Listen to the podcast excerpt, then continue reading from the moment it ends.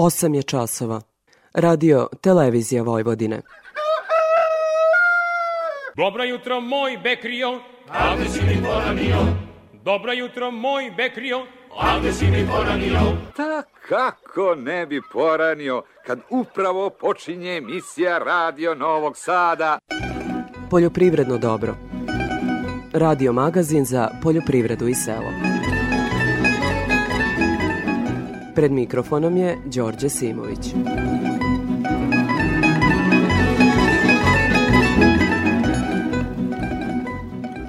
Poštovni slušalci, dobro jutro. Agrarni budžet za sledeću godinu bezmalo je 80 milijardi dinara, a za subvencije će biti izdvojeno 68 milijardi dinara. Međutim, problem je što davanja države kasne, a novim budžetom će se plaćati i stara dogovanja prema poljoprivrednicima iz 2021. i 2022. godine. Ministarka poljoprivrede Jelena Tanasković nada se da bi uvođenje e-uprave moglo da neutrališe bar deo višegodišnjih problema radimo na uvođenju e-agrara i ja se stvarno iskreno nadam i verujem u to i mnogo sam srećna zbog tog projekta jer mislim da će on mnogo unaprediti rad naše administracije i da nećemo više biti, da kažem, kočnica, nego ćemo biti neko ko će našim poljoprivrednim proizvođačima u godini kada apliciraju za subvencije i izvršiti i isplatiti te subvencije. Poslednjih godina, pa tako i ove, profesor Miladin Ševarlić upozorava na to da prema članu 4 zakona o poljoprivredi i ruralnom razvoju budžet ministarstva ne može biti manji od 5% budžeta Republike Srbije za određenu godinu.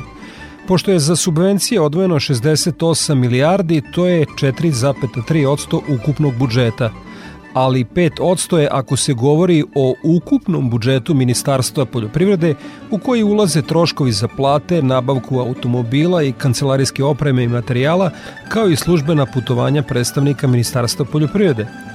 Uz to ne mali broj je onih koji kažu da bi naša poljoprivreda morala da ima udeo od 10% ukupnog budžeta, jer baš toliko primarna poljoprivreda učestvuje u bruto društvenom proizvodu Srbije –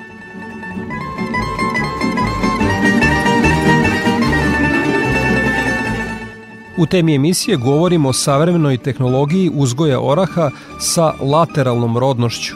Ona je naprednija u odnosu na tradicionalno uzgajanje oraha sa terminalnom rodnošću, jer biljke ranije prorode, a proizvođači ostvaraju znatno veće prinose, pa samim tim i dobit. Draga Mađovski je znanje o orasima sa lateralnom rodnošću usvajaju u Turskoj, Italiji Americi i primenio u svom zasadu u Kačarevu pored Pančeva – uvodu govori o izboru sorti za naše agroekološke uslove.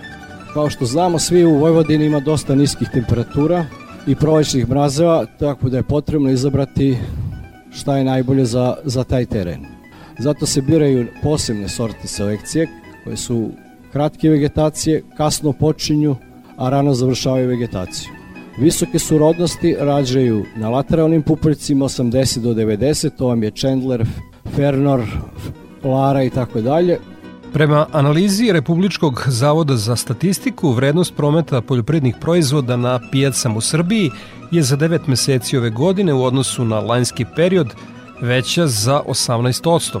U strukturi vrednosti prometa najveće učešće imalo je povrće 33%, zatim voće i povrće 18%, potom živine i jaja 17% i mleko i mlečni proizvodi 11%.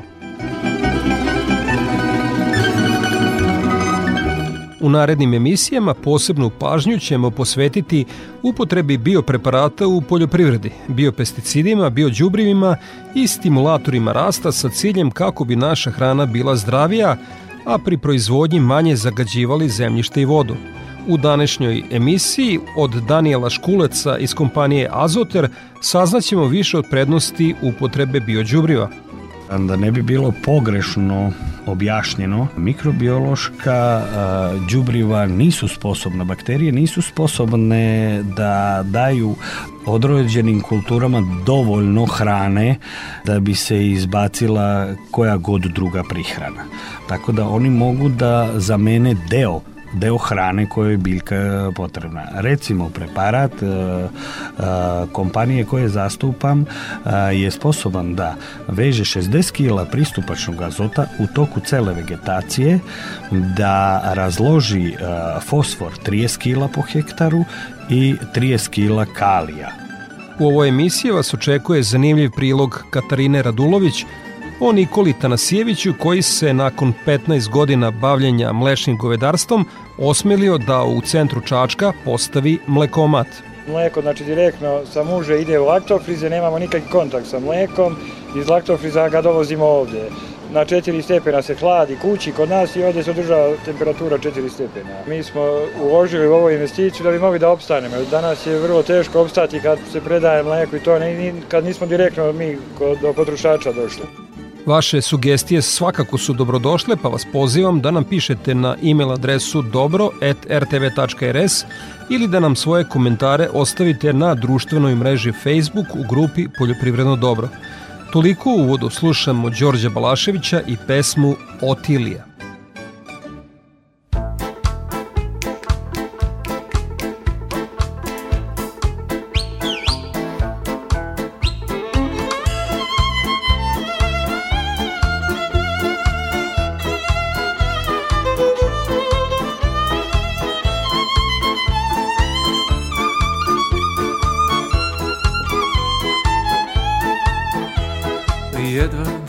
Sećam dvanaest zvončića na njenoj bluzici.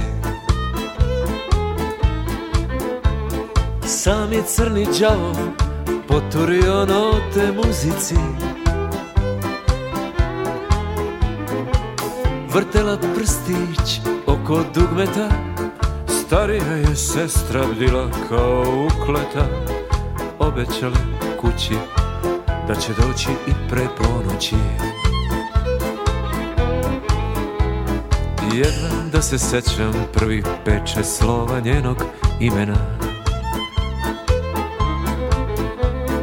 Mesec nešto fleka ko stara trumpeta limena. Vitlao Božić, jata zvezdana Mrznuo je Dunav nizvodno od bezdana. A u našem kraju lepih seka iznad proseka i baš lako noga. Za drugoga zaručena, a za mene naručena kod Boga. Moja lepotuška Nedopijen gutljaj vina, dah karmina Na krajičku opuška. Ko reči par, spomenar jedva da se sećam da je ribnjak bio srmom okovan. Tad i nikad više miriso je sneg na jorgovan.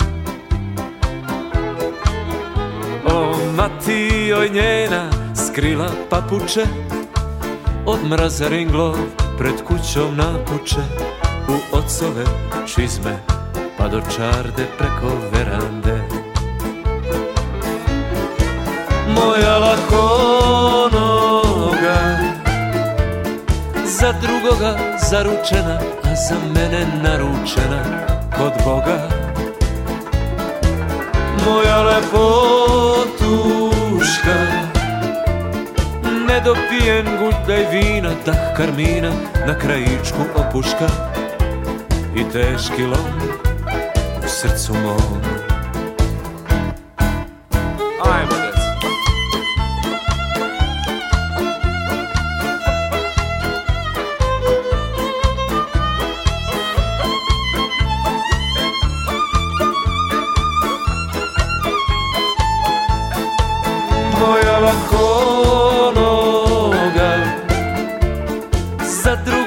zaručena, a za mene naručena kod Boga. Moja lepotuška, nedopijen gutljaj vina, dah karmina na krajičku opuška, ko reči par spomenar. moja lakonoga Drugoga zaručena, a za mene naručena kod Boga. Moja lepotuška Ne dopijen gutljaj vina, da karmina na krajičku opuška. I teški lom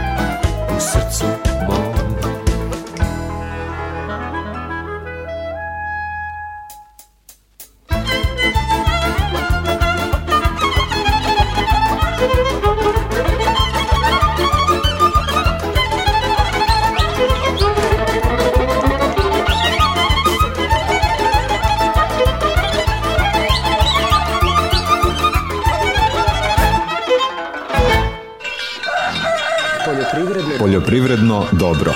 Radio Novi Sad.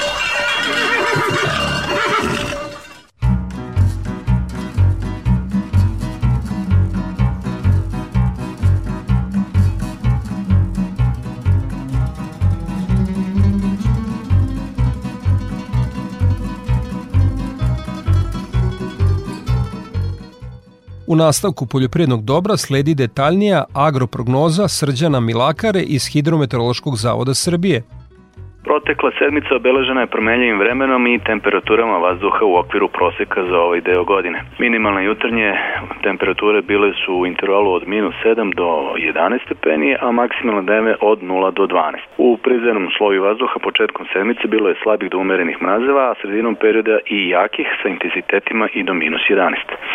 Uglavnom, povoljni agrometeorološki uslovi uz dobro vlažno zemljište omogućavali su kasnije podsjenoj pšenici da se dobro pripremi i za predstojeći zimski period. Pšenica iz oktobarskih rokova sete dobro se izbokorila i pripremila, tako da može da podnese i jače mazeve. Tokom proteklih 7 dana bilo je padavina na celoj teritoriji Srbije sa dospalim količinama od 15 do 40 litara po kvadratnom metru.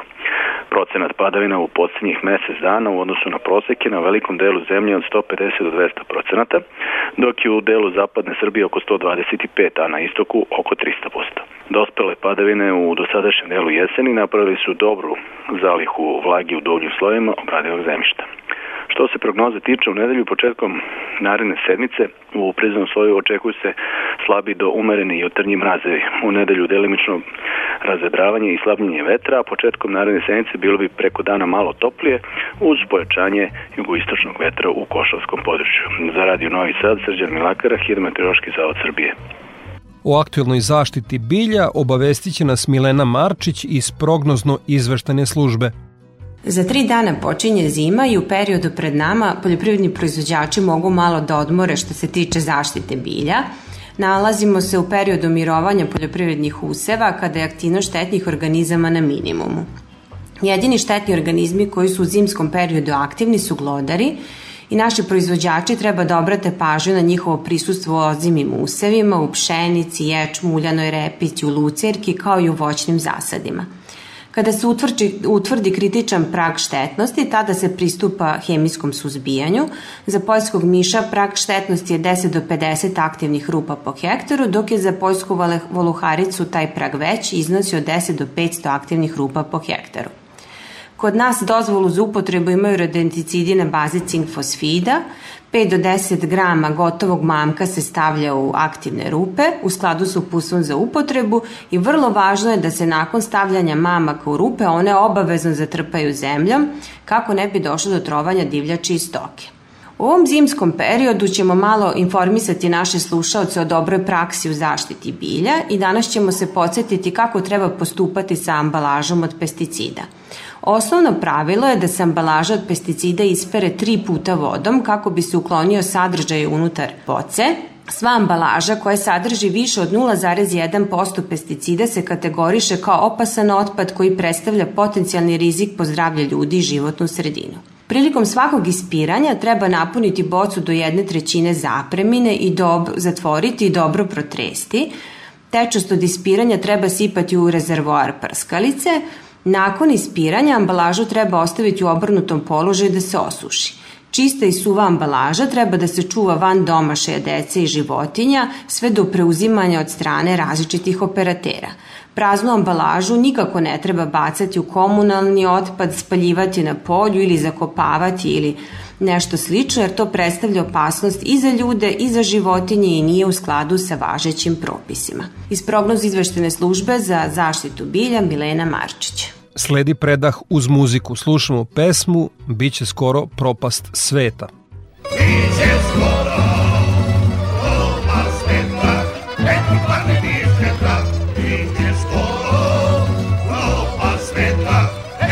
it is about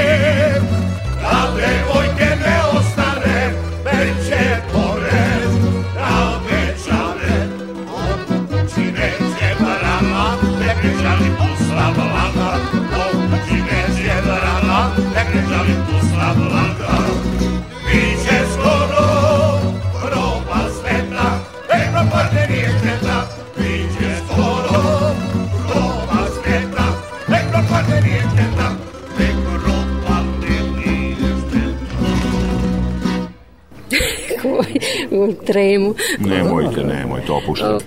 Poljoprivredno dobro opušta.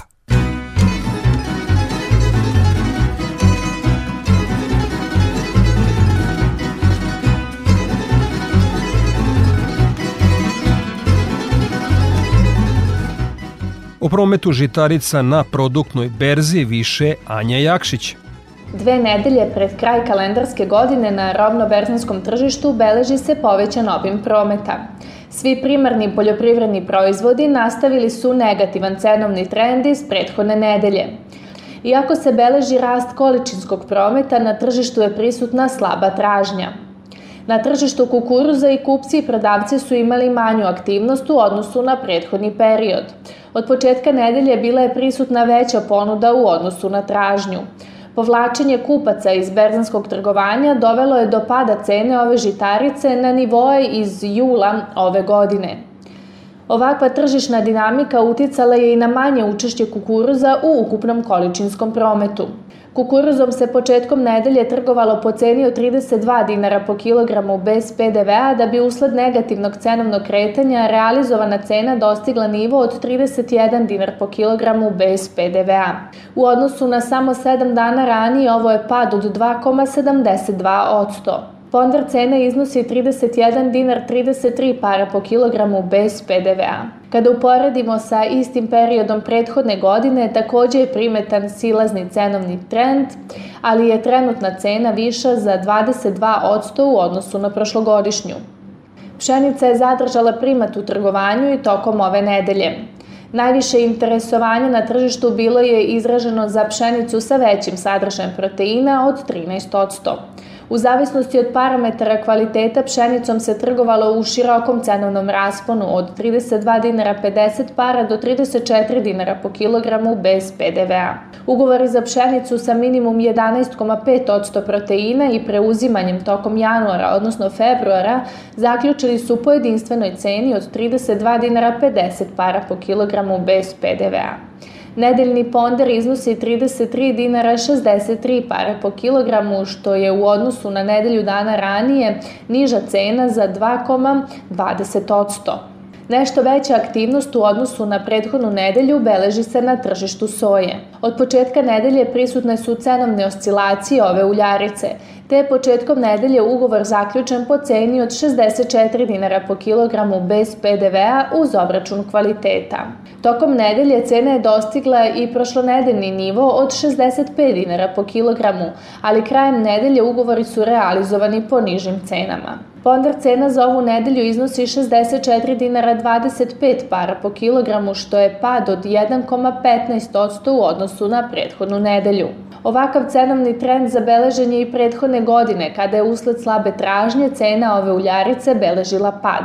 Ipak u odnosu na prethodnu godinu trenutna cena soje je niža za 11,8%. Ponude stočnog ječma sa hektolitarskom masom 60 kg po ceni od 34 dinara po kilogramu bez PDV-a nisu naišle na odgovor kupaca tokom ove nedelje. Sa produktne berze Anja Jakšić. Nakon izveštaja sa produktne berze, Gordana Jeličić iz Infotim Logistike obavestit će nas o trendovima na tržištu stoke. Sve cene su bez uračunatog poreza na dodatu vrednost. U toku ove nedelje naši saradnici su tovne svinje sa farme oglašavali po ceni od 225 do 240 dinara po kilogramu, tovljenike sa mini farme po ceni od 225 do 240 dinara po kilogramu, a tovljenike iz otkupa po ceni od 212 do 231 dinar po kilogramu. Tokom nedelje beležili smo trgovanja za tovljenike od 225 do 230 dinara po kilogramu u zavisnosti od valute plaćanja. U toku nedelje prasaca farme su se oglašavala po ceni od 370 do 410 dinara po kilogramu, prasaca mini farme po ceni od 324 do 400 dinara po kilogramu, a prasad iz otkupa po ceni od 324 do 350 dinara po kilogramu. Prasad za klanje su se oglašavala na cenu od 324 do 400 dinara po kilogramu.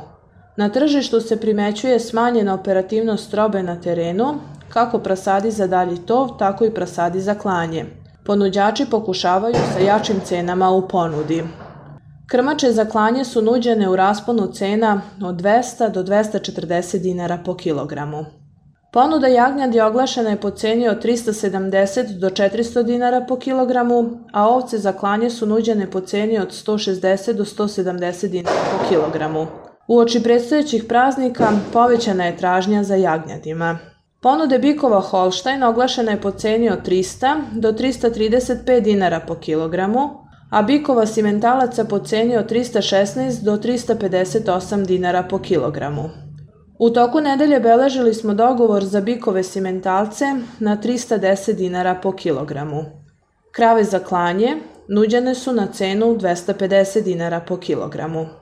Tokom nedelje beležili smo i aktuelnosti kad su tovni pilići u pitanju.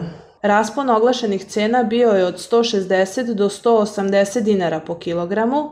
Od caradnika saznajemo da su trgovanja bila na nivou cena 160 dinara po kilogramu.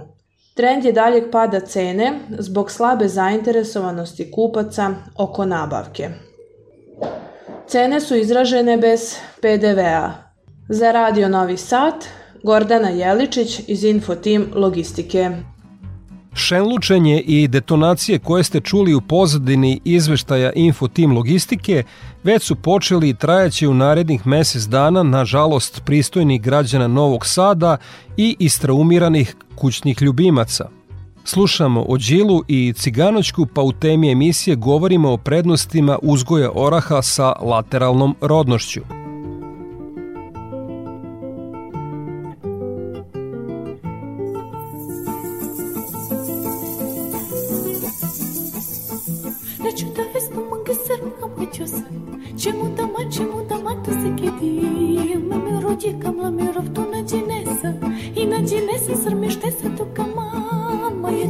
Ciganočka, moja smokljanučka Moja lukavačka ljubimая моя. Люблю я песенку, люблю цыганочку И не забуду твои черные глаза. Когда у табора тихонько убежает И не живу, колеска заскрипи Мое сердечко тихо замирает. Ночи тиши, лишь песенка звучит Моя цыганочка, моя смокляночка Моя лукавочка, любимая моя. Люблю я песенку, люблю цыганочку И не забуду твои черные глаза. Они меня любят, они меня любят Они меня, они меня, они меня, они меня, они меня, они меня, они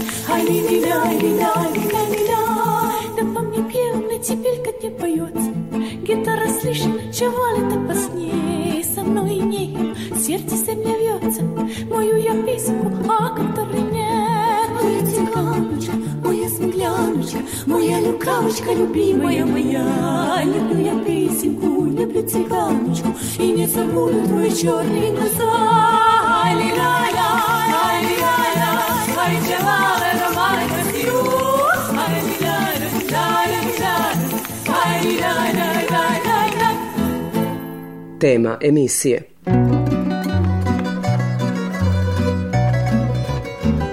Proizvodnja oraha je uvek zanimala investitore koji su hteli da obezbede konstantne višedecenijske prihode za svoju porodicu. Posadili bi sorte sa terminalnom rodnošću i čekali prvi pravi rod u 7. i 8. godini.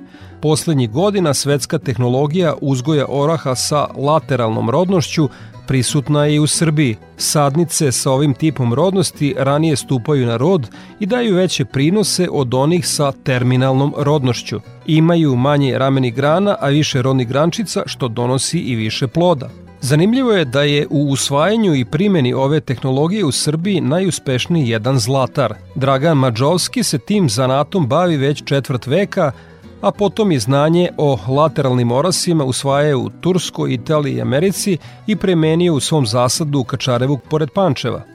Potvrda uspešnosti stigla i od Društva voćara Vojvodine koje ga je pozvalo da održi predavanje na tradicionalnom savetovanju o savremenoj proizvodnji voća koje se svakog decembra održava na Poljoprednom fakultetu u Novom Sadu. Dragan Mađovski je prisutne na savetovanju prvo upoznao sa izborom sorti za naše agroekološke uslove. Kao što znamo, svi u Vojvodini ima dosta niskih temperatura i prolećnih mrazeva, tako da je potrebno izabrati šta je najbolje za, za taj teren. Zato se biraju posebne sorte selekcije koje su kratke vegetacije, kasno počinju, a rano završavaju vegetaciju. Visoke surodnosti rađaju na lateralnim pupoljcima 80 do 90, to vam je Chandler, Fernor, Lara i tako dalje. I to može biti u grozdovima, zavisi koja je sorta i imaju visok koeficijent grananja. Kvalitet uh, mora biti visok kod takih podova i radman jezgre u intervalu između 50 i 58% jezgra treba da se vadi lagano iz ljuske, da ne puca po šavu, znači i da su što svetlije boje. To vam daje cenu kada izvozite u Evropu. I treba biti što manje osvetljivost na prozrokovače bolesti. Rastojanje u zasadima oraha sa lateralnom rodnošću je 8 puta 4 ili 7 puta 5 metara, a uzgojni oblik je obično piramidalni. Draga Mađovski navodi kako u njegovom zasadu iz godine u godinu raste rodnost oraha kada se primeni savremena tehnologija. Prvi rod je u četvrtoj godini koji daje nagoveštava rod ako radite od prvog dana ispravnu tehnologiju i agrotehničke mere. Ako lutate, eksperimentišete, neće biti prvog roda ni do šeste godine. U četvrtoj godini, po onome što ja imam iskustva lična, kod mene, imamo 550 kg u proseku po hektaru. U petoj godini imamo 1200 kg. U šestoj godini imamo 2,5 tone, sedma godina je 4 tone. U osmoj godini imamo 6 tone i 300, što mislim da je sasvim solidno, sasvim dobro. Za razliku od Italijana koji imaju sigurno po jednu tonu manje od četvrte godine na gore. Kako sam promenio američku tehnologiju i ubacio druge preparate, dosta intenzivnije povećao sam prihod za 25-30%. Džubrenje, džubrenje da. Naredne godine se održavaju isti prinosi, 10% može da bude oscilacije više ili manje, zavisno od mašinske rezidbe kako je radite i na koji način. Potencijalne investitore će sigurno zanimati koliko treba uložiti u savremeni zasad oraha. Dragan Mađovski precizno je beležio svoje ulaganja. Ovo je moja matematika koju sam ja napravio i sad ću vam pročitati na glas.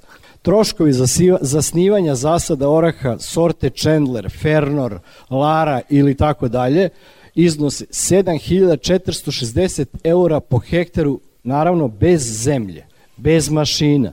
Znači, priprema zemlje, sadnice, žubrivo, to vam je samo troškovi koji za zasnivanje. Prodajna cena plodova oraha u ljusci, zaboravite što piše na internetu, 5,5 eura u ljusti sam prošle godine izvezu u Sloveniju. Da sam imao još, imao sam dobru klasu, ne kao ove godine ekstra kvalitet, ali da sam imao još prošle godine mogao sam i to da prodam.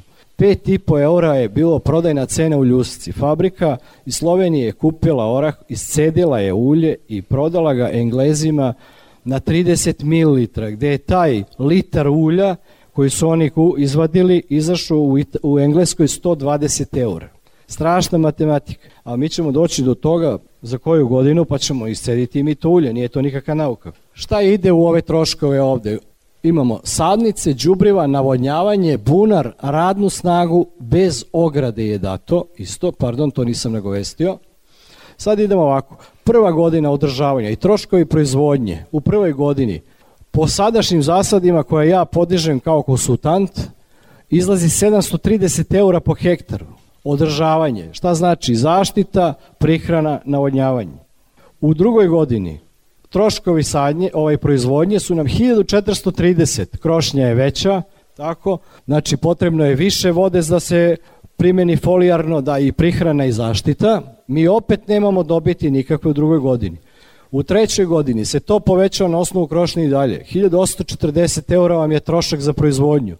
Opet nemamo nikakve dobiti.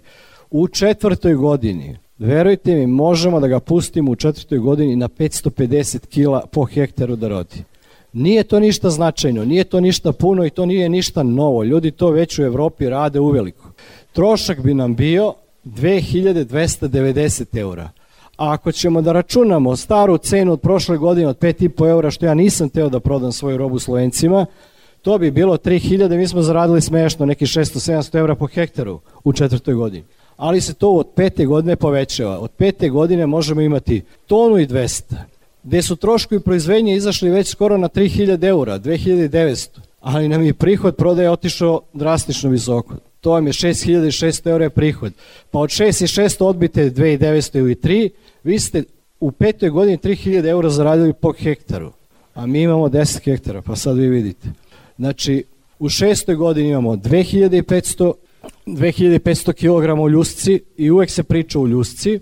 Troškovi proizvodnje su povećani na 3350, Nisu, nije značajno puno. Dobili smo 13.750 eura. Znači, sedma godina, 4000 kg. Italijani kažu da oni prave 4, 4,5 tone po hektaru u punom rodu. Međutim, tehnologijom koju sam ja nastavio da radim i američka, Isključio sam pola plantaže, profesor Kiserović je bio i drastična razlika za godinu dana u priraštaju i u rodu. Nevjerovatno šta je u pitanju. Koriste se prihrana, 20% prihrane ide folijarno. Ono što smo svi nekada slušali da orak ne prima prihranu folijarno. Vi znate najbolje, ali ja sam čitao to po internetu. 20% mi primenjujemo. Morske alge i organske aminokiseline. Tačno se zna šta uzimamo. I to su ozbiljne količine koje dajemo. Dajemo u šest tretmana to radimo. Pored zaštite, morske alge, aminokiseline, MPK i to smo dobili stvarno maksimalno i vidimo kako izgleda list. Znači, ojačali smo imunitet biljci i onda imamo jako malih tretmana. Ja sam samo jedan tretman insekticidom prskove godine. Šta sam teo da kažem? Pun rod, američki program i ovo što sam ja nastavio da radim. Prinos u ljusci, oni tvrde, Ja nisam u punom rodu, a nadam se kako ovo sad napreduje i kako naši profesori procenjuju da će to ići tim putem i to vam je negde, mislim da će ostati na 6 tona, 6 i 300. Troškovi proizvodnje u punom tom rodu, ne mora da bude osma, ja ću biti zadovoljan da bude i deveta i deseta. Ako će to da da taj prinos, kako Amerikanac govori. Znači, trošak nam je po današnjim, po, odnosno po ovim cenama, 5000 eura po hektaru. Mi trošimo 5000. Znači na 10 hektara trošimo 50.000 eura godišnje. Ali pogledajte sada, prihod prodaje koliki je. 34.650 eura možemo da dobijemo ako po prošlogodišnjoj ceni oraha. Jednostavna je matematika. Toko smo svi, znamo da računamo. Hvala na pažnji. I zaslužio je Dragan Mađovski aplauz prisutnih na savetovanju savremena proizvodnja voća. Ovo je samo deo predavanja koje je održao na Poljoprivrednom fakultetu u Novom Sadu. Treba reći da zainteresovani detaljnije informacije mogu naći na internetu na adresi orahchandler.rs gde detaljnije mogu da se informišu šta Dragan Mađovski i njegov tim rade. Treba reći da ovu proizvodnju nikako ne bi trebalo improvizovati. Nažalost, dosta je oni koji su probali da kupe jeftinije sadnice ili nešto preskoče u tehnologiji proizvodnje, pa im se to vratilo kao bumerang u vidu smanjene rodnosti ili su čak zasade morali da iskrče. Toliko u temi emisije slušamo Zvonka Bogdana i pesmu Šta će selo kad ne bude mene.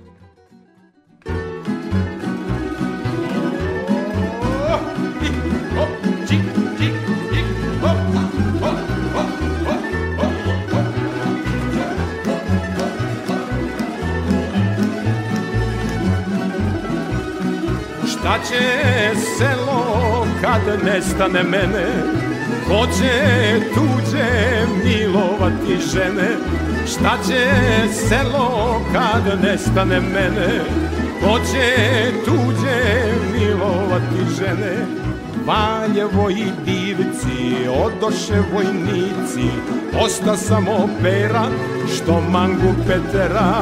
Valjevo i divci, odoše vojnici, osta samo pera, što mangu Petera.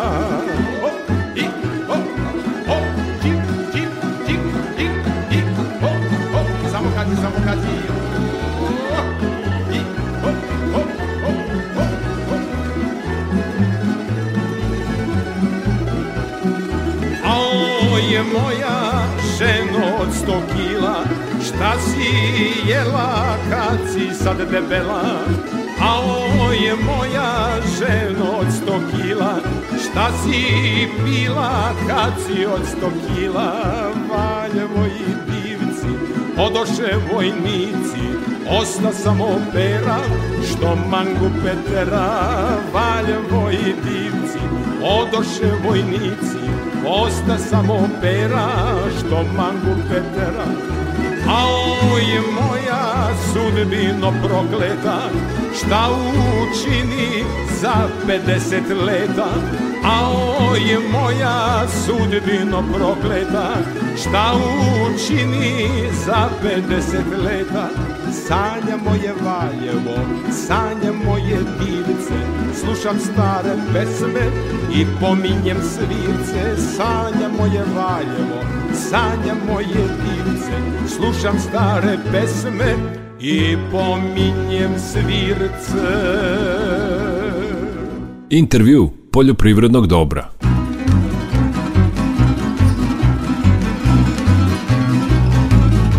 Kao što sam u uvodu rekao, u narednim emisijama posebnu pažnju ćemo posvetiti upotrebi biopreparata u poljoprivredi, biopesticidima, biođubrivima i stimulatorima rasta sa ciljem kako bi naša hrana bila zdravija, a pri proizvodnji manje bismo zagađivali zemljište i vodu. U današnjoj emisiji od Daniela Škuleca iz kompanije Azoter ćemo više saznati o prednostima upotrebe biođubriva.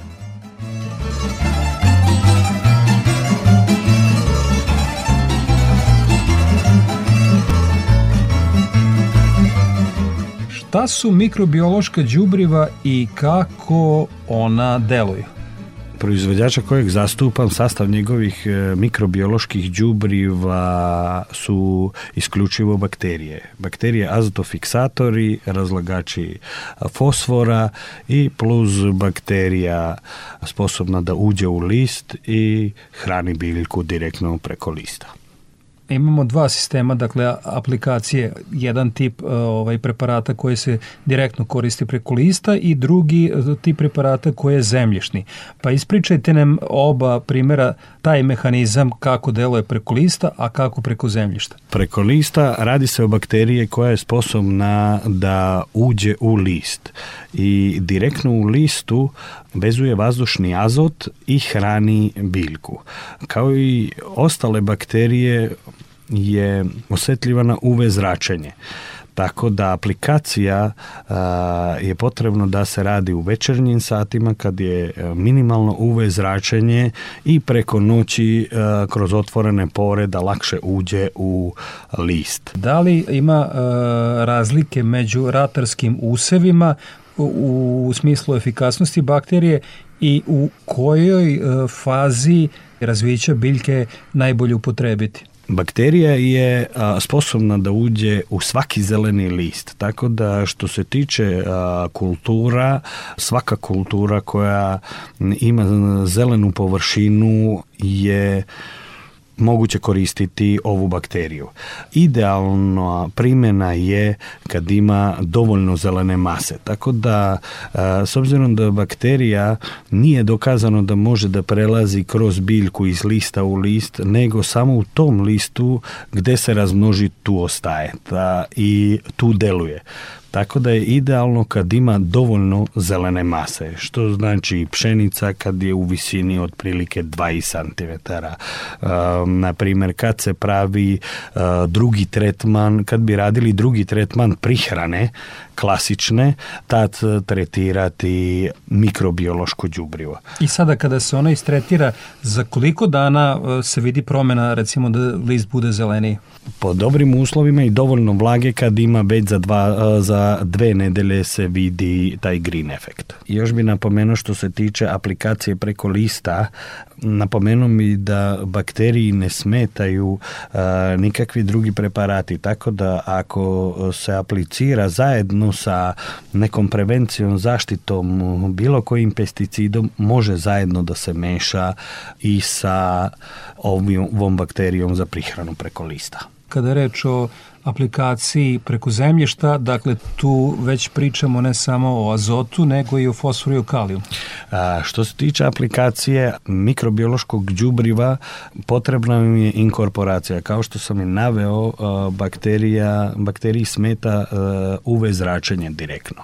Tako da isto je aplikacija u večernjim satima prskanje, a ili idealno prskanje i isto u, istom mahu i zatvaranje sa setvospremačem, tanjiračom ili čim god. Jednostavno odraditi pošteno tu inkorporaciju da je bakterija što kraće izložena u vezračenju.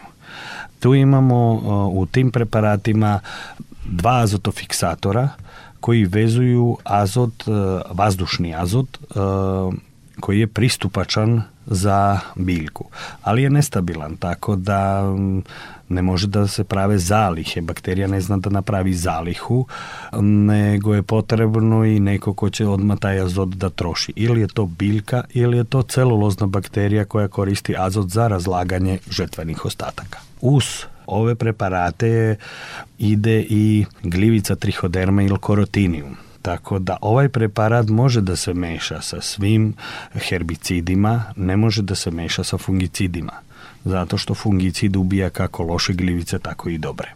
Fosfor kalijum? Fosfor kalijum.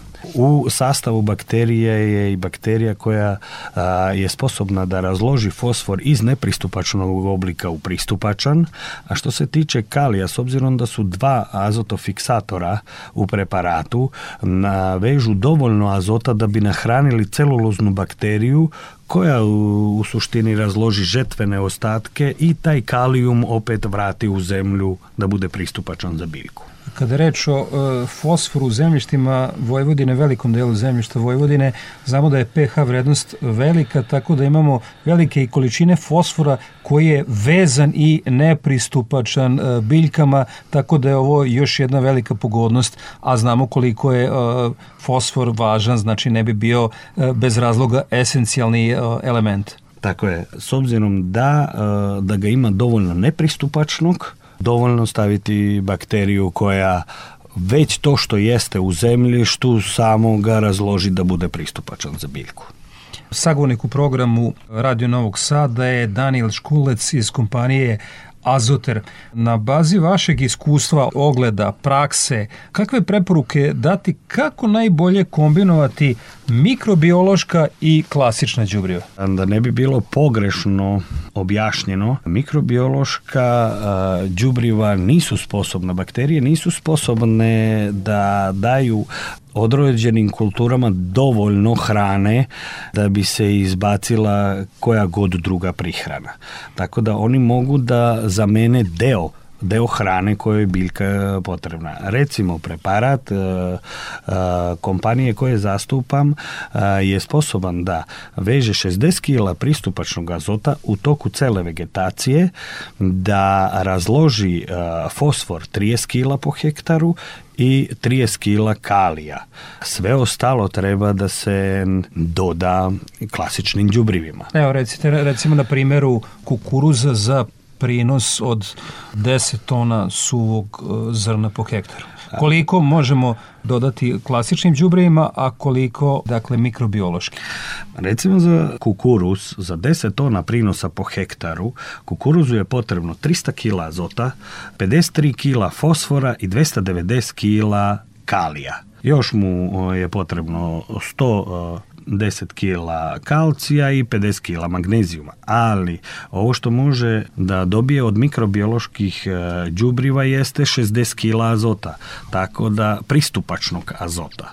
E, što znači e, da ostalo, ostalih 240 kila treba dodati mineralnim đubrivima da bi dobili prinos e, od 10 tona. Naravno, zavisi sve još od vremenskih uslova e, u toku cele godine. E, važno je napomenuti i da efekat mikrobioloških đubriva zavisi i od same plodnosti zemljišta. Naravno, po iskustvima koje imamo iz Slovačke i Mađarske, Ukrajine, a, na primjer u Slovačkoj gde je humus zemljišta se kreće od 0,9 do 1%, a, su rezultati da veže 60 kg azota, 30 kg fosfora i 30 kg kalija. Da, u Ukrajini gde je humusno zemljište oko 7,5%, veže 100 kg azota i 50-60 kg fosfora i kalija. Na našoj teritoriji u Vojvodini se humus kreće oko 2 do 3,5%, tako da Zavisi naravno od tipa zemljišta. Tako. Imamo i gde je 1%, imamo i gde je 4,5% na najkvalitetnijim zemljištima Vrbas, ponegde u Srbobranu, Bečeju ali to su stvarno uh, mali, mali procenat parcela. Da, ali daleko višli procenat humusa je generalno prosečno u celoj Vojvodini nego na primjer u Slovačkoj, gde je taj prosek uh, u 0,9%. I evo samo da kažemo za kraj, dakle skoro je da su mikrobiološka đubriva nezamenjiva a, za proizvođače koji se isključivo bave organskom proizvodnjom? S obzirom da se radi o bakteriji, tako da da, mikrobiološka đubriva, ako je sastav đubriva isključivo bakterija, većina njih je registrovana da su dozvoljena za organsku proizvodnju. O mikrobiološkim đubrivima smo više saznali od Daniela Škuleca iz kompanije Azoter. Hvala vam puno na odvojenom vremenu za naš program. Hvala i vama. Slušamo Živojina Jergića i splet Neka uzdiše komora i Ova naša livada. suza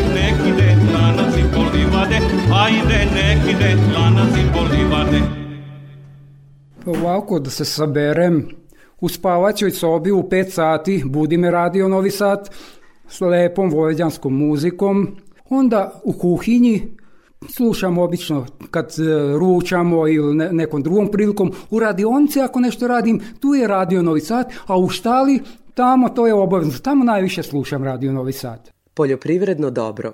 Radio Novi Sad. Ja stanicu ne menjam,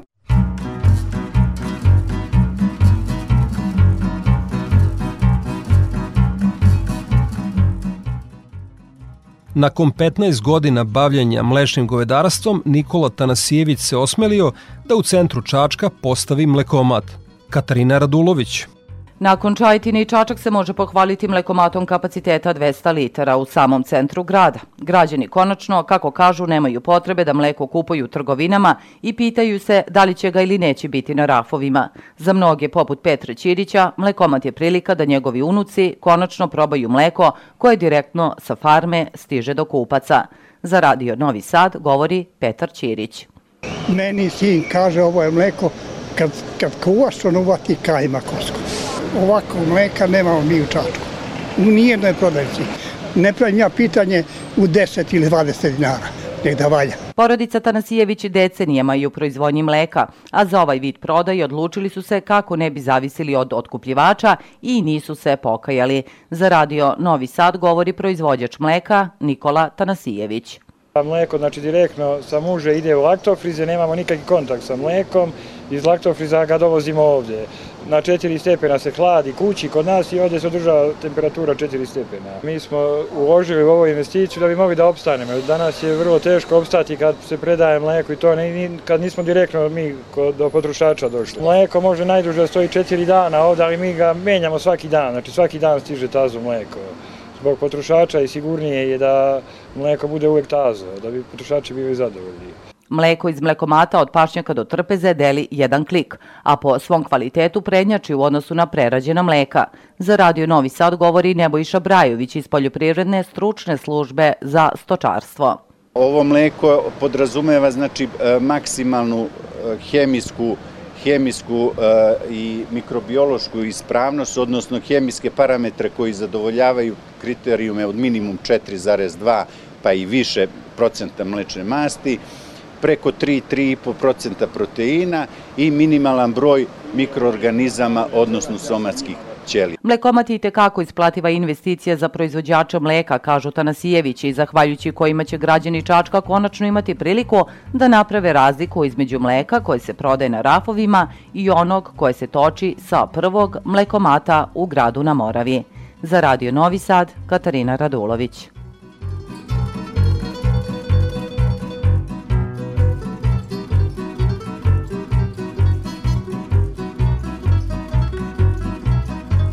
I za kraj emisije još jednom agroprognoza Srđana Milakare iz Hidrometeorološkog zavoda Srbije. Što se prognoze tiče, u nedelju početkom naredne sedmice u prizemnom sloju očekuju se slabi do umereni i jutarnji mrazevi. U nedelju delimično razvedravanje i slabljenje vetra, a početkom naredne sedmice bilo bi preko dana malo toplije uz pojačanje jugoistočnog vetra u Košavskom području. Toliko poštovani slušaoci u ovom izdanju Poljoprivrednog dobra radio magazina za poljoprivredu i selo javne medijske ustanove Vojvodine. Naredni susret zakazujem za sedam dana uz podsjećenje da ovu emisiju kao i prethodne možete da poslušate odloženo na portalu Radio Televizije Vojvodine na adresi rtv.rs u sekciji odloženo slušanje kao i na zvaničnoj Facebook grupi Poljoprivredno dobro gde možete da ostavite svoje sugestije. Možete nam pisati na našu elektronsku adresu dobro.rtv.rs. Ja sam Đorđe Simović i pozivam vas da ostanete uz Radio Novi Sad. Vašoj pažnji preporučujem ekološki magazin Pod staklenim zvonom koji je na programu na Konvestiju 9. Za kraj slušamo Cuneta i pesmu Zašto svićeš tako rano. Svako dobro.